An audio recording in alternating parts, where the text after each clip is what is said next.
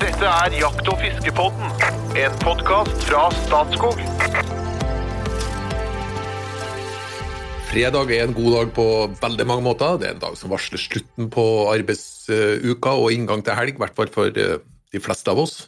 Det betyr gjerne litt ekstra god mat og godt drikke, men det som gjør fredagen aller, aller best, det er at det er den dagen det kommer en ny episode av Jakt- og fiskepodden. Så velkommen til oss igjen, kjære lytter. Det er to veldig, veldig gode grunner til at du som lytter kommer tilbake uke etter uke. Den ene grunnen heter rett og slett Jo Inge Breisjøberget, fagsjefen i Statskog. Velkommen. Oi, oi. Ja, tusen takk. Den andre særdeles gode grunnen heter Espen Farstad og er informasjonssjef i Norges jeger- og fiskerforbund. Hjertelig velkommen til deg òg. Hei, hei. Nå tok jeg litt mer dempa og veldig troverdig innledning. Følte jeg sjøl. Hva syns dere?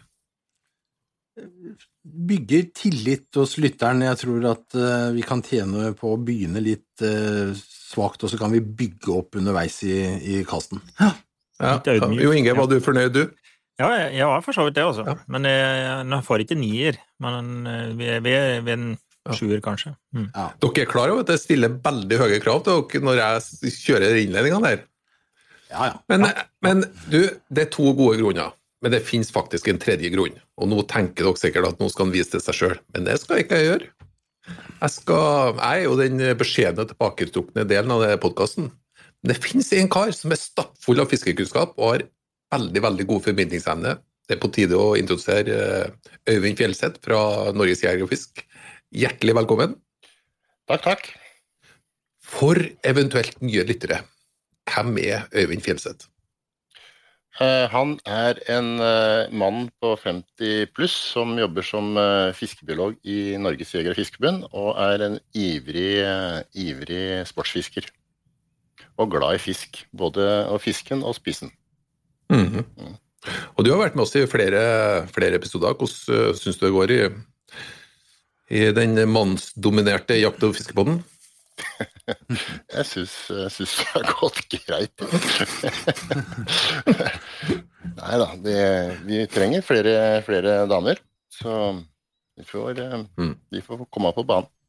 Men vi er veldig godt fornøyd, så vi inviterer deg tilbake hver ja, gang etter gang etter gang. Og i dag skal vi snakke om abborfiske. Ja. Det er et fiske som jeg er bitte litt usikker på om jeg kanskje bedrev en gang på Sørlandet. Så jeg er på et eh, meget forsiktig nivå.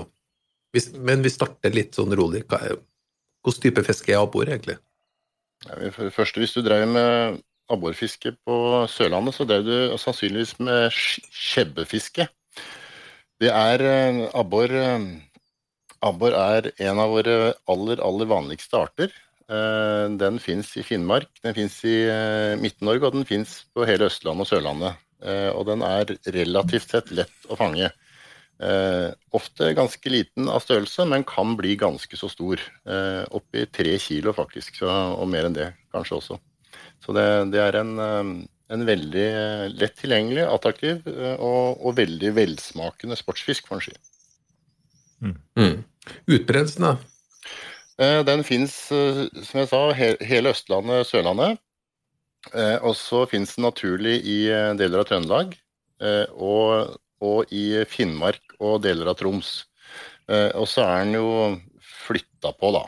Det får en si. Så den fins jo også på deler av, av Vestlandet i dag. Der fantes den ikke naturlig. Det er en av de artene som kom tidligst inn til landet. Så, så den, den har vært der veldig lenge, og har vært en viktig del av ja, kall det norske husholdet opp gjennom tidene, så lenge vi har bodd her, faktisk. Mm. Jeg tar historie fra Bengt Øste. Eh, Ja. En svensk veldig god fisker. Herr Espen reagerer her nå, og Øyvind vet hva hva Bengt Øste var. Eh, en eh, tidligere veldig dyktig svensk fisker. da. Eh, gjorde òg programmer og skrev bøker. Han var en sportsfiskeprofil når vi var små, han jo, Inge. Da var jo han Min- stor. Mildt sagt. En, Ja, ja, ja, en sportsfiskeprofil. Dette var jo på 1900-tallet, da, for oss som er litt gamle. Ja. Eh, han sa at ebberen det var Skandinavias mest demokratiske fisk. Mm. Den fins overalt, i innsjø, bekk, elv, i brakkvann, ferskvann, i sør og i nord. Han er jo mer i Sverige enn i Norge, faktisk. da. Og han var tilgjengelig da i prinsippet for nesten alle. Og han lar seg fange av alle. Om det er unger på brygga eh, eller en båt med meitmerk, eller om det er en proff, som han var sjøl, eller yrkesfiskere. Og det beste av alt sånn, var at det er jo en kjempematfisk. Så det er Skandinavias mest demokratiske fisk. Mm. Det ble sagt tidligere at uh, den har alltid et godt stabbur, den som bor ved et abborvann. Det var liksom tilgjengelig fisk gjennom hele året, for han er jo veldig lett å fange gjennom hele året også. Ja, praktisk talt hele året. Og det er jo ikke nødvendigvis eh, alle, alle de ferskvannsartene vi har som er. Og i tillegg er en god matfisk, så er det jo ja. Men, men, men, det er én ting med abbor, når, når, du først nevner det. da, Han er ikke noe glad i lavtrykk? Nei, det er jo det, det, er litt ulike meninger om det, men han, går jo for å være litt værsjuk, da. Lavtrykk ja. er ofte litt sånn dårlig, dårlig abbor, eh, abborfisketid. Da trykker han ofte litt ned mot bånn. Um, og kanskje litt dypere også enn han ellers ville, ville gjort. Eh, men når høytrykket kommer, så er det ganske raskt å komme litt oppover i vannet, både i vannmassen, men også inn i grunn, grunn, av de virkelig grunne områdene. Lett tilgjengelig.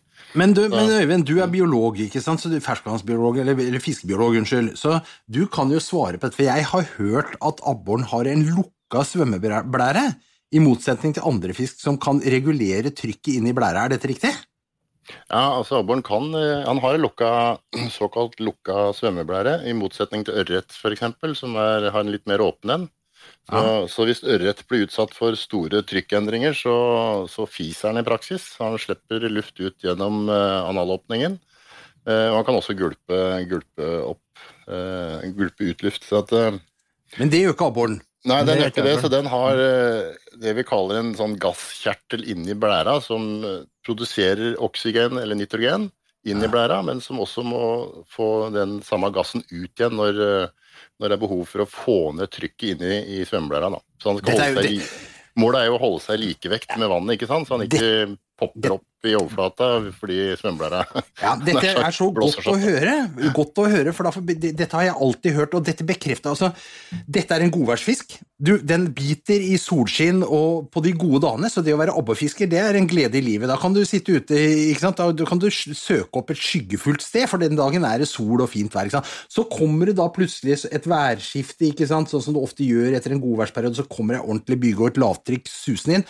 Da går abboren rett i bånn, drar fram under underleppa, ligger på bånn og sturer og nekter å, å, å, være med på den der marken som du senker ned. For det er jo sånn det er i praksis, i hvert fall. Ja, det kan ja. fort være sånn. Uh. Ofte så kan akkurat den overgangen til lavtrykk uh, trigge en sånn bitt-periode. Så, så, han skal ikke liksom avfeie hele fisket fordi om det blir et lavtrykk. Og så er det liksom fisker etter stor abbor, de, de, bryr seg kanskje ikke alltid like mye om det lavtrykket. Så de fisker, fisker etter nede ved bånn, gjerne med, med jigger og og ja, ulike båndredskap. Så han er jo fortsatt uh, i en ja, Han kan fortsatt få den til å ta, men han er tregere, opplagt. Mm. Så fiskets svar på duejakt? Duejakt kan jeg ingenting om, så det, det er sikkert, sikkert riktig. Godværsfiske. Ja. Jeg har sett bilder av ebber med svømmeblære til kjeften som er tatt opp på, på litt dyp, type 20 meter. Så, så kan jeg være en til å at svømmeblæra kommer ut feil vei? Eller, ja, ja, det er ikke svømmeblæra som kommer ut, det er magasekken, faktisk. Men ja, ja, altså, det, det, er det samme som skjer uh, hvis du fisker uer. Så trykk, mm. blåser svømmeblæra seg opp, og så blir, ikke plass til resten. Ja, blir ikke plass til resten. Så da kommer den ut gjennom, uh, ut gjennom kjeften. da. Uh, så det, det, skjer. Og hvis trykkforandringa blir for stor, så sprekker blæra, sånn som det ofte gjør på torsk f.eks. Men det gror til igjen, altså. Så det, det overlever det. Men abboren lever den side ved side med annen fisk? Eller er det abbortjern og abborvann? Rene? Eh, abbor fins eh, praktisk talt overalt der vannkvaliteten tillater det. Eh, han liker ikke det som er helt ekstremt næringsrikt, nødvendigvis. Eh, men han fins eh, ja, overalt der det er eh, rimelig god vannkvalitet, unntatt i høyfjellet, tror jeg kan si. Og det skyldes delvis at man aldri greide å vandre dit men uh, også fordi det ikke er særlig gunstig. Det er jo en varmtvannsfisk, eller en varmtvannslikende fisk. da. Så Den trives jo best der det er litt uh, OK temperatur i vannet, sjøl om den fins som sagt i Finnmark og ja. Den er ikke spesielt kresen? Den er ikke kresen, og det gjør jo at han er tilgjengelig overalt. Også, da. De, hvis en skal ha litt større abbor, så, så, er det jo gjerne i litt litt mer næringsrike innsjøer da, hvor du har mye byttefisk. ikke sant? For å bli stor så må du jo spise annen fisk. Så det er jo en rovfisk også. I forhold til ørret og annen fisk, så til en viss grad så, så, Han spiser jo samme maten som en ørret, så noen tenker på han som en konkurrent til ørreten. Det har aldri jeg sett den som, men, men han spiser jo Første del av livet så spiser han plankton, og så spiser han bånddyr og ja, sånn som ørreten stort sett gjør, og så går den over på fiskediett når den blir, eh, blir, stor. Og det samme gjør for så vidt ørreten. Så, så, de har en sånn ganske overlappende nærings, eh, næringsvalg. Da. Og det er noen som eh, har lagt veldig mye energi å problematisere, men de fleste av oss som fisker i vann med både abbor og ørret, har ikke sett det som den store utfordringa, i hvert fall. Er han kannibal? Ja, definitivt. Ja, ja. Og det er en veldig viktig, det er en veldig viktig nær sagt egenskap også. De fleste fiskere er jo kannibaler hvis de får muligheten. Men, eh, men eh, abbor er eh, veldig kjent for å ha veldig varierende aldersklasser, eller noen sterke aldersklasser som dominerer over mange år. Og det gjør det ved at de er kannibaler i praksis. Da. Så når den nye yngelen kommer inn etter at rognen har gytt på vårparten, Eh, så kommer yngelen ut i vannet, og da blir den spist av ja, alle de som greier å spise den, for så vidt. Og det greier jo de fleste med så, så en liten yngel. Og det å ha en sånn sterk årsklasse med abbor gjør at uh, veldig mye av den nye fisken som kommer inn da, som yngel, den blir rett og slett beita ned. Og Derfor så kan enkelte årsklasser dominere gjennom mange år. Og Det er ganske vanlig i abborvann at du eh, har, begynner med ganske små abbor på kanskje 15-20 cm, og så blir det sånn sakte, men sikkert større. Jevnt, altså i snitt, da. Det er jo mange av de små som overlever også. Og så ender du opp med ganske fin abbor, og på et eller annet tidspunkt så virker det som det bare krasjer litt, og så er du tilbake til de små igjen, og så har du en sånn suksessiv økning i størrelse igjen. Ganske vanlig i mange, mange. Og det er en sånn eh, kannibaleffekt, rett og slett. Ok, så, det, så, så, du kan i det samme vannet eh, finne en syklus som gjør at eh, Ja, du bør egentlig ha flere abborvann å, å, beite på da, som sportsfisker for å finne den store, fine fisken? Ja, ja. Så du har jo noen vann hvor du har sånn stabilt stor fisk, selvfølgelig, da. Eh, hvor det stadig kommer inn ny, ny stor fisk i, i bakkant her. Men i, i den klassiske skogsjøen så er det veldig vanlig med sånne sterke årsklasser som dominerer over ganske lang tid, og de kan dominere i eh, åtte-ti eh, år. Det, det, er en fisk som kan bli ganske gammel, det her sånn. Mm. Og tallrik, for så vidt. Så da, da kan du ha aldersklasser som er såpass store sjøl når de er 10-12 år gamle, til å kunne dominere. da.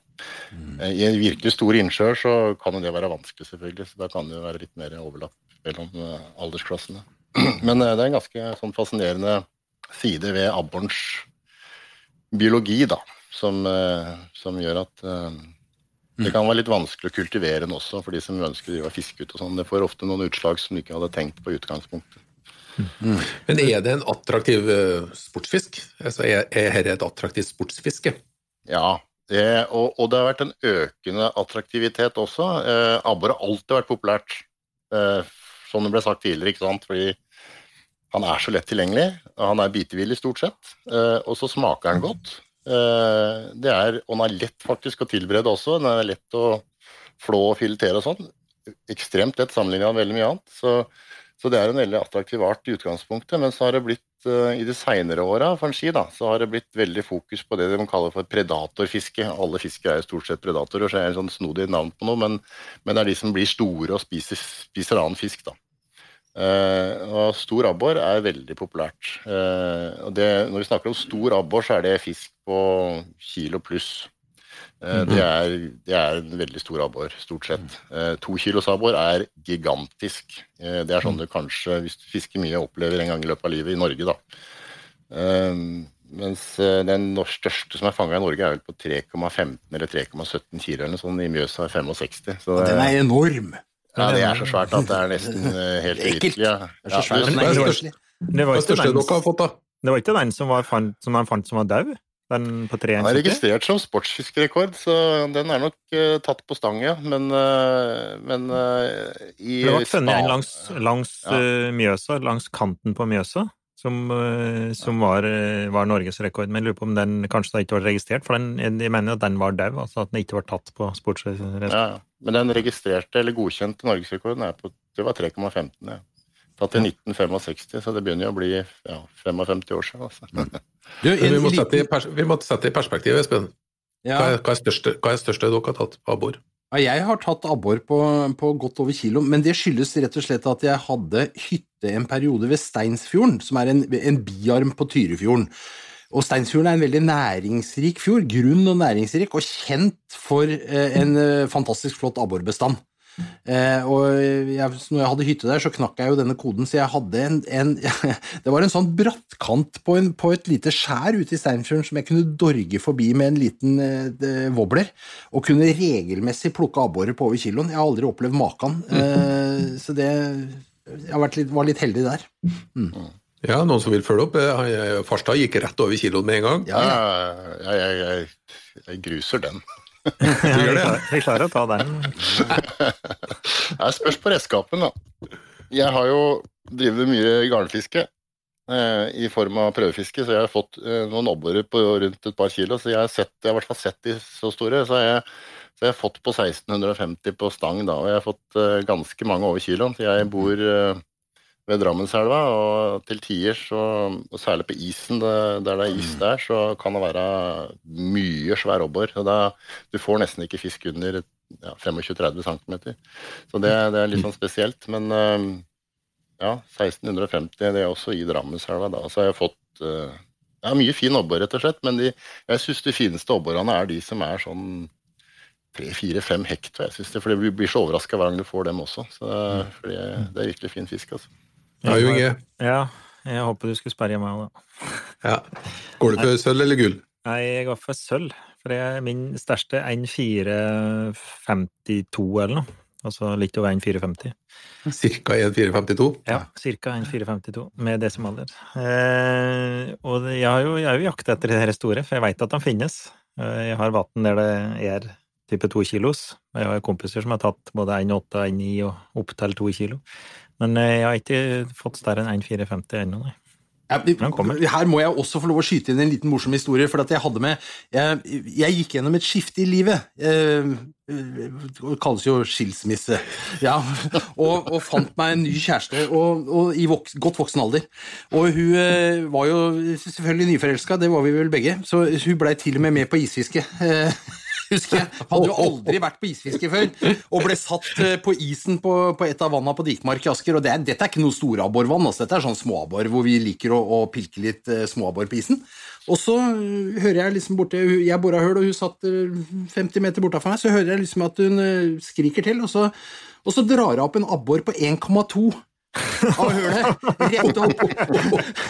Og, og, og hun har aldri vært på abborfiske før, så hun, skjønner liksom ikke verdien i dette. Så hun liksom, jeg, fikk, jeg fikk en fisk, jeg, Espen. Liksom. Fikk en fisk! Jeg, jo, jeg, jeg, jeg måtte jo kare meg opp fra spagaten. Jeg hadde jo ikke sett maken. ikke sant?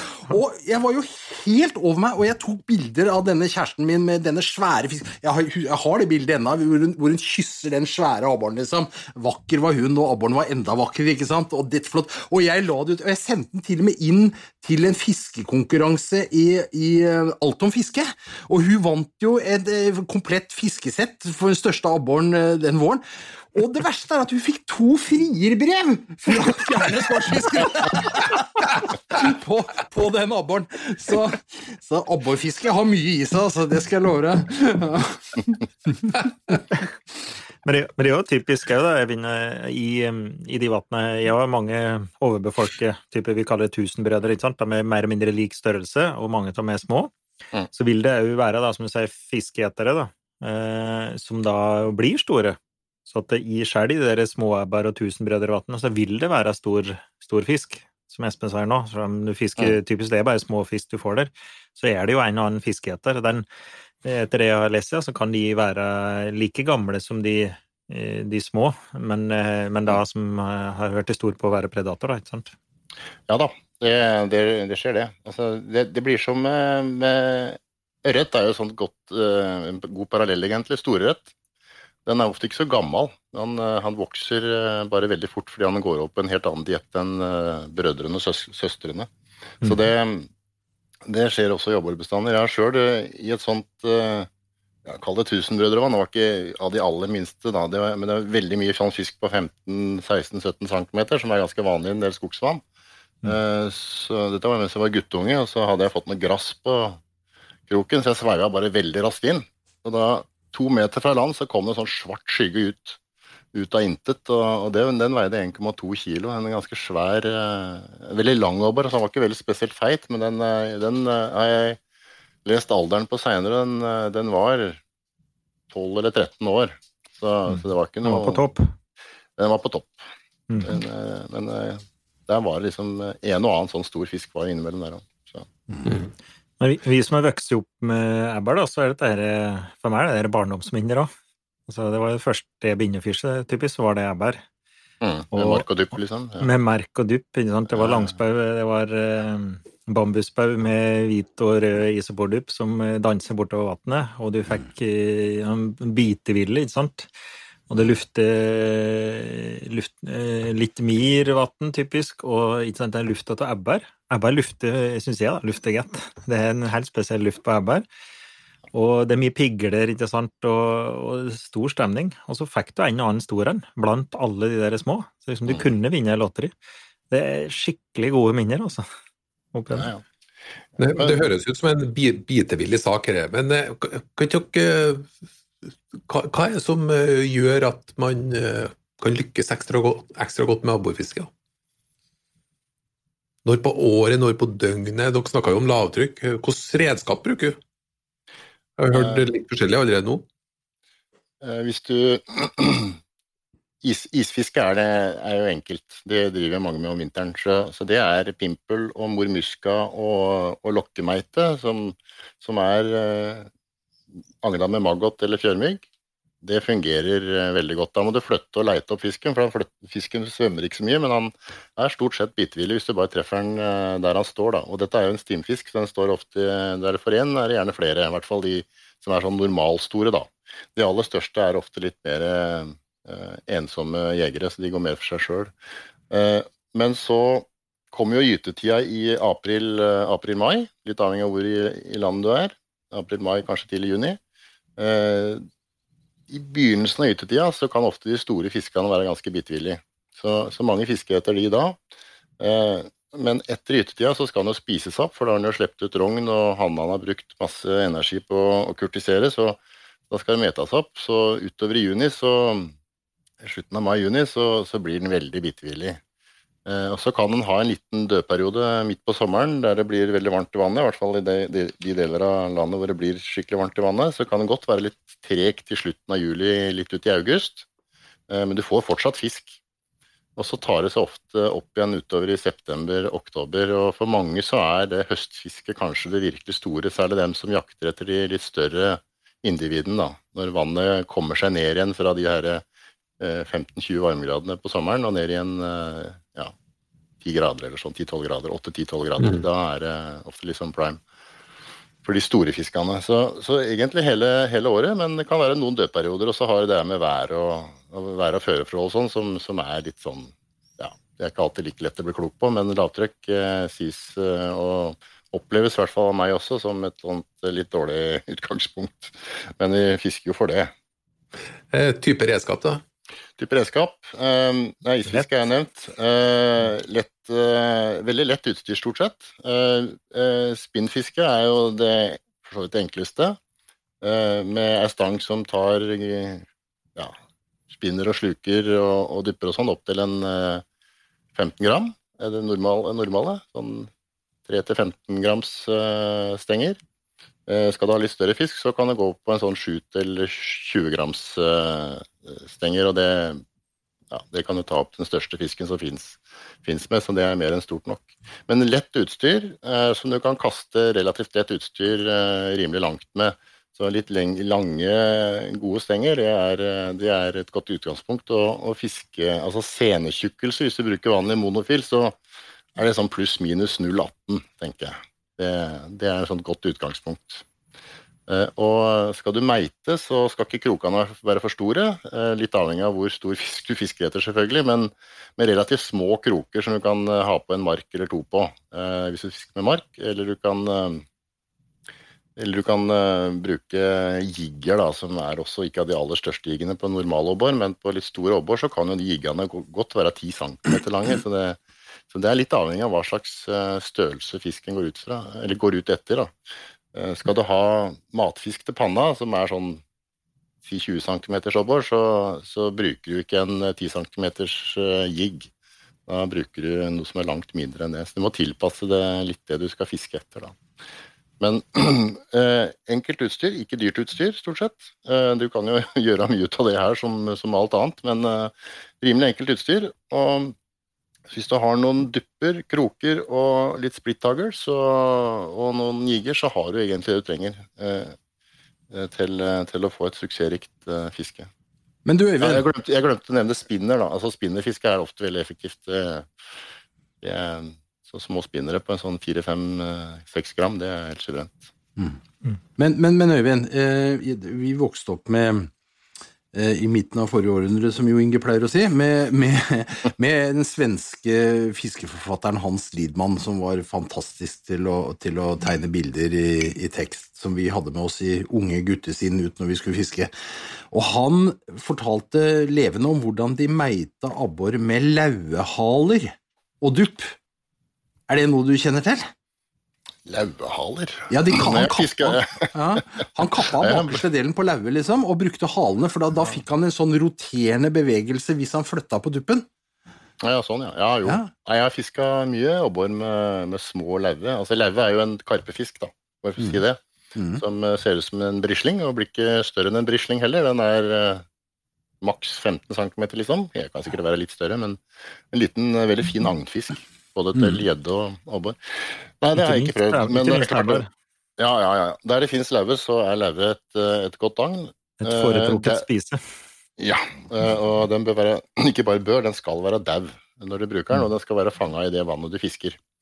Er, sånn er regelverket. Mm. Samme gjelder for så vidt ørkyte, som er et bra abboragn, men men ikke ta ørkytte fra et annet vann og bruk til det vannet du skal fiske. Det er ikke lov. Så du skal fange den der du skal fiske eventuelt, og så skal du drepe den før du har den på kroken. Dette er jo for å hindre spredning av, av arter, ikke sant? Ja, og sykdommer. Mm. Ja. Men, men, det kan være veldig effektivt, veldig effektivt å eh, fische si, stor ebber. da. Med, jeg har brukt òg mort, men eh, mort, ja. laue og aurkite. Det kan være fryktelig effektivt på stor ebber. Ja da, det, det er det. Så ørekyte, det, det er sikkert det Goløye. Det er det vi snakker om. Ja. Eh, men det er ganske sånn Det er ganske skummel Et skummelt innslag i vann der den ikke hører hjemme. Ja, at den tar, kan ta ut bestander av f.eks. gode ørretvann. Ja, den kan ha noen negative effekter der den ikke hører hjemme, det, men det gjelder jo alt, for så vidt. Mm, mm. Så den har jo hatt en spredning antagelig også gjennom utsetting av ørret, hvor en ikke har sett forskjell på ørretyngel og Mm. Ørkytinger den kan til forveksling se litt sånn ut når du ser den vant i hvert fall. I et kar. Så antagelig så er mye av den spredninga som har skjedd med den arten, skjedd via utsetting av, av ørret. da. mm. Mm. Men for en gangs skyld så hører jeg ikke veldig mye om fluefisker. Eh, eh, nei, du gjør nok ikke det. og det, det går fint an å fiske abbor med flue. Jeg har fått eh, abbor på 6-7 hekto på flue, jeg, så det, det, går det, altså. Eh, men eh, Og den er sprek, bare for å ha sagt det. Mm. Ja, ja, ja, ja, da. ja, da. Nei da, det, det, er bare, det er rett og slett veldig mye enklere å bruke annen, annen type agn. Så enkelt tror jeg det er. Men den, den hiver seg over fluer, den. Jeg har fått veldig mye abbor når jeg fisker etter ørret, for å si det sånn. Den kan gå og ta ting på overflata tørt, akkurat som en ørret, og han gjør mye rare ting. Eh, vi fisker, mye, vi, vi fisker mye abbor faktisk når vi er i Finnmark. Eh, vi er jo primært ute etter ørret og røye, men, men eh, f.eks. Eh, padla Karasjokkavassdraget. Her er det mye hvitfisk, her er det mye abbor. Og eh, går du litt lei av den der sure, trompete ørreten som ikke vil opp under vanskelige forhold, så er det bare å dra til et, et lite vann som ligger ved siden av. Og her er jo abborene på 4-5-6-7 hekto, liksom jevnt over. Og fiskeren på flue. Veldig moro. Du hiver ut en, en streameraktig fiskeimitasjonsflue, da, liksom, ikke sant, og så drar du, og det kommer jo ploger fra alle kanter, ikke sant, når denne aggoren Og den er ganske bitevillig, altså. Så det er uh, morsomt fiske, det. Mm. Det høres ut som et ganske sånn familievennlig fiske òg. En bitevillig fisk gjerne i et vann nær deg. Ja, det er ekstremt oh, ja. familievennlig. Veldig familievennlig og lett å få den til å ta, ikke sant. Og unger er ikke nødvendigvis alltid så opptatt av at det skal være stor fisk, bare at det biter. Og det, det, ja, det er veldig enkelt å ha med unger på. Det er, et super, superspesifikt spørsmål, for du var inne på marker i stad. Eh, når du trer marken på kroken, skal du tre marken inn sånn at den akkurat skjuler kroken, eller skal den ligge i en sånn klase, sånn, sånn, som du ser på Donald? Jeg lurer på veldig lenge. Jeg, nå vil jeg ta sitt svar her nå. Jeg har ikke lest Donald på mange år, men jeg, i så fall så er jeg Donald-fan. Altså klase? Ja, litt klase. Det skal ikke være overdrevent, men et par mark liksom, som festa på noen punkter, to-tre punkter, eller to punkter holder ofte på, på marken, det, det, gir en mer bevegelig mark, for å si det sånn, enn at den mm. Eh, er helt limt fast til en krok. Så ja. Og tips å bruke en, en dupp eh, Øyvind nevnte det med å uh, søkke, altså tynge ned litt, og så bruke en dupp som, uh, som du tynger ned såpass at han bare så vidt han flyter. da. Altså, Den der isebordduppen har ganske mye motstand. Og det er klart, den små ebber da, den vil kjenne motstand og kan være litt forsiktig. Så vil de jo fort ete opp den merken din uten nødvendigvis at du får den. Så at, eh, jeg bruker i hvert fall dupper som, eh, som mer eller mindre bare ligger litt over vasskarpa. Mye mindre motstand, ja. Litt mer eh, hva skal jeg si, torpedoformet, da, dupper. Eh, og har mer suksess med det. Mm. Og gjerne ikke, gjerne ikke, bruke den der rødhvite duppen. Altså, jeg har lyst til å slå et slag for det. for at det, ja. altså, Moderne meitefiskegutta, de som er virkelig er profesjonelle på dette, her, de fnyser jo selvfølgelig av den rødhvite isoporduppen, for de har jo for lenge siden funnet ut at det fins mer følsomme dupper. Altså en tynn sånn eh, som, som, ser ut som en kulepenn, ikke sant? som bare står rett opp av vannet, yter jo nesten ikke motstand når den dras ned. og da, da Så det poenget ditt, Inge, er godt. Så det å kjøpe seg litt andre drupper enn den rødhvite prøve seg fram litt, det er jo spennende og morsomt. Eh, så burde du ha lang avstand mellom eh, duppen og eh, kroken for å komme ned mot bunnen hvis det er der storfisken er? Ja, det er en fordel. Hvis, mm. hvis, hvis, du må ha lang fortom, så har du lang fortom, rett og slett. Hvis, du, ja. hvis fisken står på to meters dyp, så må du ha en fortom som er to meter. Det fins jo Du kan jo lage Det fins egne remedier som får kjøpt i sportsfiskebutikker, som, som er en sånn stoppknute i praksis. Som gjør at du trenger ikke å stå der og kaste med en to meter lang fortom, men du kan ha ei lita kule på sena som, eh, som gjør at uh, sena går ned gjennom duppen, og så stopper den mot den, uh, den kula som du har på sena. Veldig lita kule, da. Eller du kan lage ei knute der også, for så vidt. Det fins ulike måter å gjøre det på. En slags glidedupp, rett og slett? Ja, en glidedupp, ja. Men som, som du har kanskje Du lar den gli ned to meter, da, ikke helt ned til bånn, f.eks. Det, det fungerer greit. Uh, men som oftest så hvis, hvis en sitter på en bryggekant sammen med, med, med ungene, så så, har en sånn meter eh, type meter, kanskje halvannen under, så er det mer enn nok. Som oftest. Mm. Den står jo i stim. Eh, så ofte ser jo fisken også, og det er jo litt morsomt. Ja, og da ser du en vakker fisk. Jeg vil bare si det at abboren er sjelden vakker. Ja, den er altså med, med de tigerstripene på ryggen og de røde finnene og den dype grønne fargen, og dette er vakker fisk. Og så er det en gang eh, så traff jeg en gammel eh, abborfisker, en ordentlig ihuga gammel abborfisker oppe i Steinsfjorden. Du kjente den sikkert, Øyvind. Han eh, Røyne. Knut Røyne, tror jeg han het. Han, han, var litt av en type, da. Men han, eh, vi, vi, var ute og fiska med han en gang, og så fikk vi noen store abbor. Og så holdt han liksom abboren opp, og så spilte han ryggfinna opp, og den er jo full av pigger. Og så viste han at, at det er 13 pigger på ryggfinna, sa han, for mellom dem så er det 12 skinnområder, da, sånn tynne skinnområder som, som finna er laget av. Og der kan du finne svarte flekker på abborfinna, og det varierer litt fra abbor til abbor og, og type type, men han mente at hvis du fikk en stor abbor, spilte opp ryggfinna, så på de svarte flekkene, så var det måneder med mye nedbør i året som kommer. For der var det tolv stykker, ikke sant, som tolv måneder, så han brukte abboren til å spå været med. Det syns jeg var veldig stilig, da. Jeg likte det. Ja, det, det blir gjort ennå den dag i dag, det, på Finnskogen. Ja, det gjør det? Egne, ja, ja, det er egne værprofeter. Som spår epærfinner og grismilt og kaffegrut og det som det er. Ja, ja. Det er mye, det er mye abbor på Finnskogen, så det Tenk deg, skulle, vi skal begynner å nærme oss eh, landing. Jeg tenkte jeg skulle utfordre dere med, noen, eh, med et par eh, tips til lytterne. Veldig konkrete tips på abborfiske. Dette har dere ikke fått beskjed om på forhånd, så Men Øyvind, gi oss, oss, oss, som ikke er veldig bevandret innen fiske, gi oss et par veldig sånn konkrete, gode tips for å lykkes.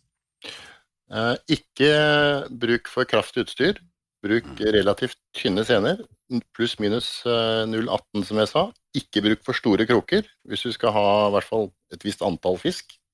Og hvis du fisker eh, fra land og kaster, eh, kaster med, med, jigg, så hold deg nede ved bånn. Eh, og fisk variert, sånn som du gjør med annet fiske. Altså, en jigg kan dras inn på mange forskjellige måter. Funker ikke den ene, så kan det godt være at den andre måten fungerer. Den skal liksom hoppe bortover bånd inn mot land. Så, og Samme med, med spinnerfiske. Kast ut og varier inntrekket noe, og ikke bruk for store spinnere. Eh, spinnere på 4-5 gram er som oftest mer enn store nok. MEPS er en god, god eh, kobber. MEPS mm. er en, eh, fortsatt en god, god spinner til abbor. Kobber med røde prikker? Ja, ja, ja. ja. Yes, yes, ikke ja, sant? Ja, ja, ja, Fantastisk. Ja, du får den med svarte prikker òg, vet du. Men jeg liker den med rød. Jeg er glad i den der Panther Martin ja.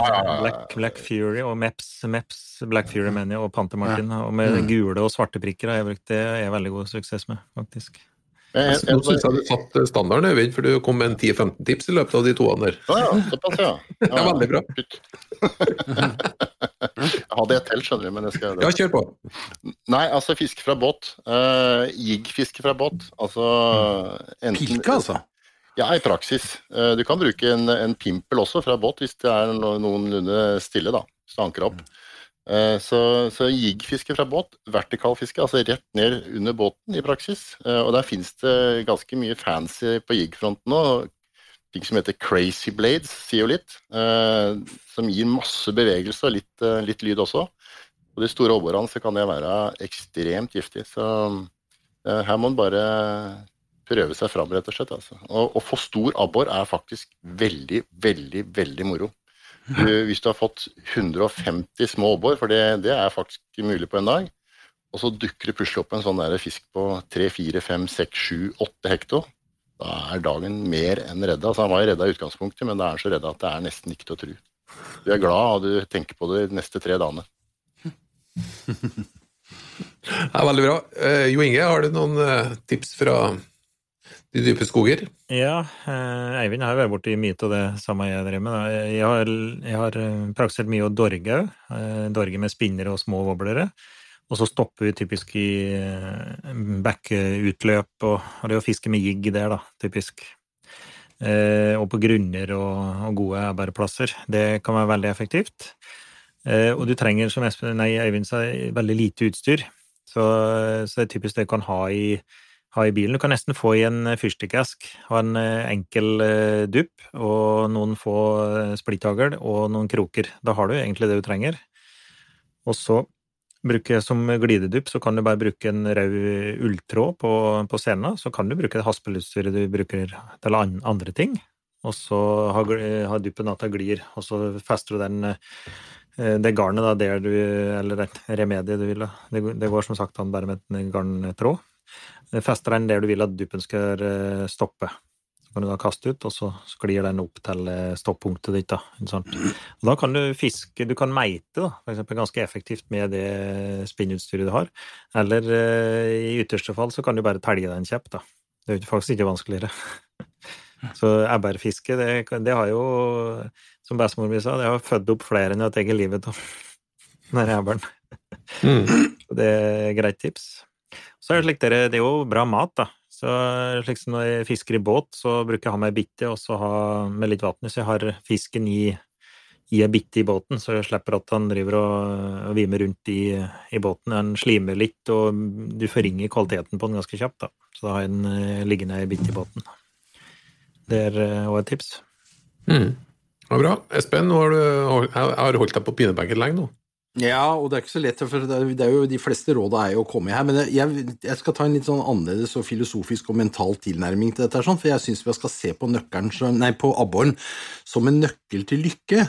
på mange måter. Fordi at, eh, for det første så er det veldig ofte den første fisken som barn blir kjent med. Det er her du oppdager sportsfiskeverden. Så det å ta med barn eller barnebarn ut og la dem oppleve gleden ved litt sånn enkelt abborfiske, det er nøkkelen til et langt liv som sportsfisker, og det er jo den egentlige lykken og meningen med livet. Det har vi snakka om mange ganger, så, så det, er en, det, er en, mental døråpner her. Så er det sånn at hvis du tar deg sjøl i nakken Jeg gjorde det faktisk her om dagen, og dette er ikke noe jeg sier bare nå, men her om dagen så var det Satt jeg en ettermiddag her og hadde klippet gresset, og det var litt for varmt her på forsommeren, og så tenkte jeg nå skal jeg jaggu dra en tur og fiske abbor, og så tok jeg med meg den lille Mepsen Øyvind, med, med, med, rød prikke på, og dro opp i vannet her sånn, og fiska med litt abbor, sånn som jeg gjorde i gamle dager.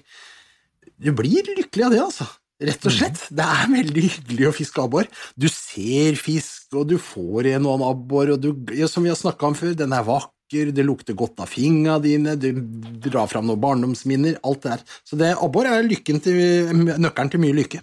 Et annet tips er Jeg Vi har et eh, ganske næringsrikt og grunt vann her med, som huser stor ebber. Det er å bruke norgeskart og flybilder. Da vil du se, eh, ganske kjapt se grunner på, på flybildet. Hvis, den, hvis, det er et grunt vann. Sånn Audder og, og, grunner det kan være veldig gode storebærplasser. Mm.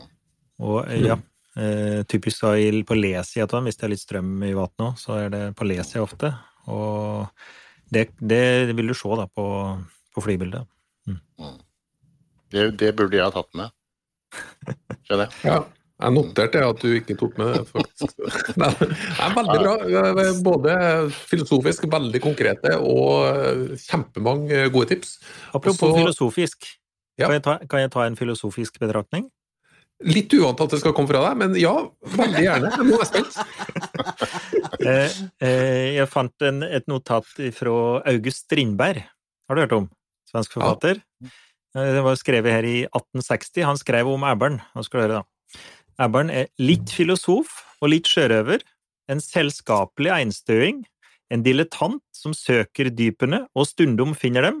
En giddeløs eksentriker som i lange tider står og stirrer på steinene ved stranden, og så plutselig våkner og skyter fram som en pil. En tyrann mot sine egne, men noen ganger tam, vender gjerne tilbake til den samme plassen og huser sju innvollsmark. Genial av, avslutning. Beklager at jeg avbrøt deg. Det er ganske lite parasitter inn, altså. Det går eh, stort sett bra, det. Ja, Det var skrevet i 1860, altså. Ja, det var sikkert uh, blindtarmen han tenkte på. Ja. Med de bevingede ord fra Bresjøberget og Strindberg, så går vi, ned til, går vi ned for landing. Til deg som lytter, kom deg ut på fisketur. Det er sjølve livet, faktisk. Takk for at du følger oss på Facebook og Instagram. Abonner på podkasten på Spotify eller iTunes, eller hvor enn du ønsker å høre på podkasten. Og bidra gjerne til at eh, noen skjønner hvordan de skal komme seg inn på en podkast. For det er ikke nødvendigvis så enkelt å komme i gang med podkast, men når du først kommer i gang, så er det fantastiske muligheter. Både jakt- og fiskepodkaster, men også en haug med andre podkaster for uh, dine interesser. Før vi feider helt ut, er du klar for uh, avslutninga? Ja, ja. ja. Du må henge på. Ja, ja. ja. Skal vi ta ei rekke før det her nå, eller skal dere. Nei. Kjør på. Nei. Må være litt tydelig i svaret, da. Ja. Ekornjakt, hot or not? Not. Uh, hot. Der står dere, ja. Ok. Jeg er fluebind, jeg, vet du. Ja, jeg, det slo meg. Barndomsminner. Ja, barndomsminner. Nei, men det er bra. Da fikk vi et skille i forsamlingen. Nummer to. Fiskeboller i hvit saus med karri, hot or not? Not. Hot. Hot, faktisk. Jeg syns dere er ganske treg, men uh, ellers er jeg ganske Jeg ser jo Jeg, jeg er jo fornøyd med at jeg, er fornøyd med at dere må tenke litt. Men uh, sisten jeg tar med en klassisk uh, hot-sak helt til slutt her nå. The one and only Namsos-rocker Terje Tysland, hot or not? Not. Not. Uh, hot. Oh, oh, oh. Bra, Jo Inge! Da gikk seieren eh, i denne konkurransen til Jo Inge Bresjeberget. til alle lyttere, vi er tilbake neste fredag. Takk for følget.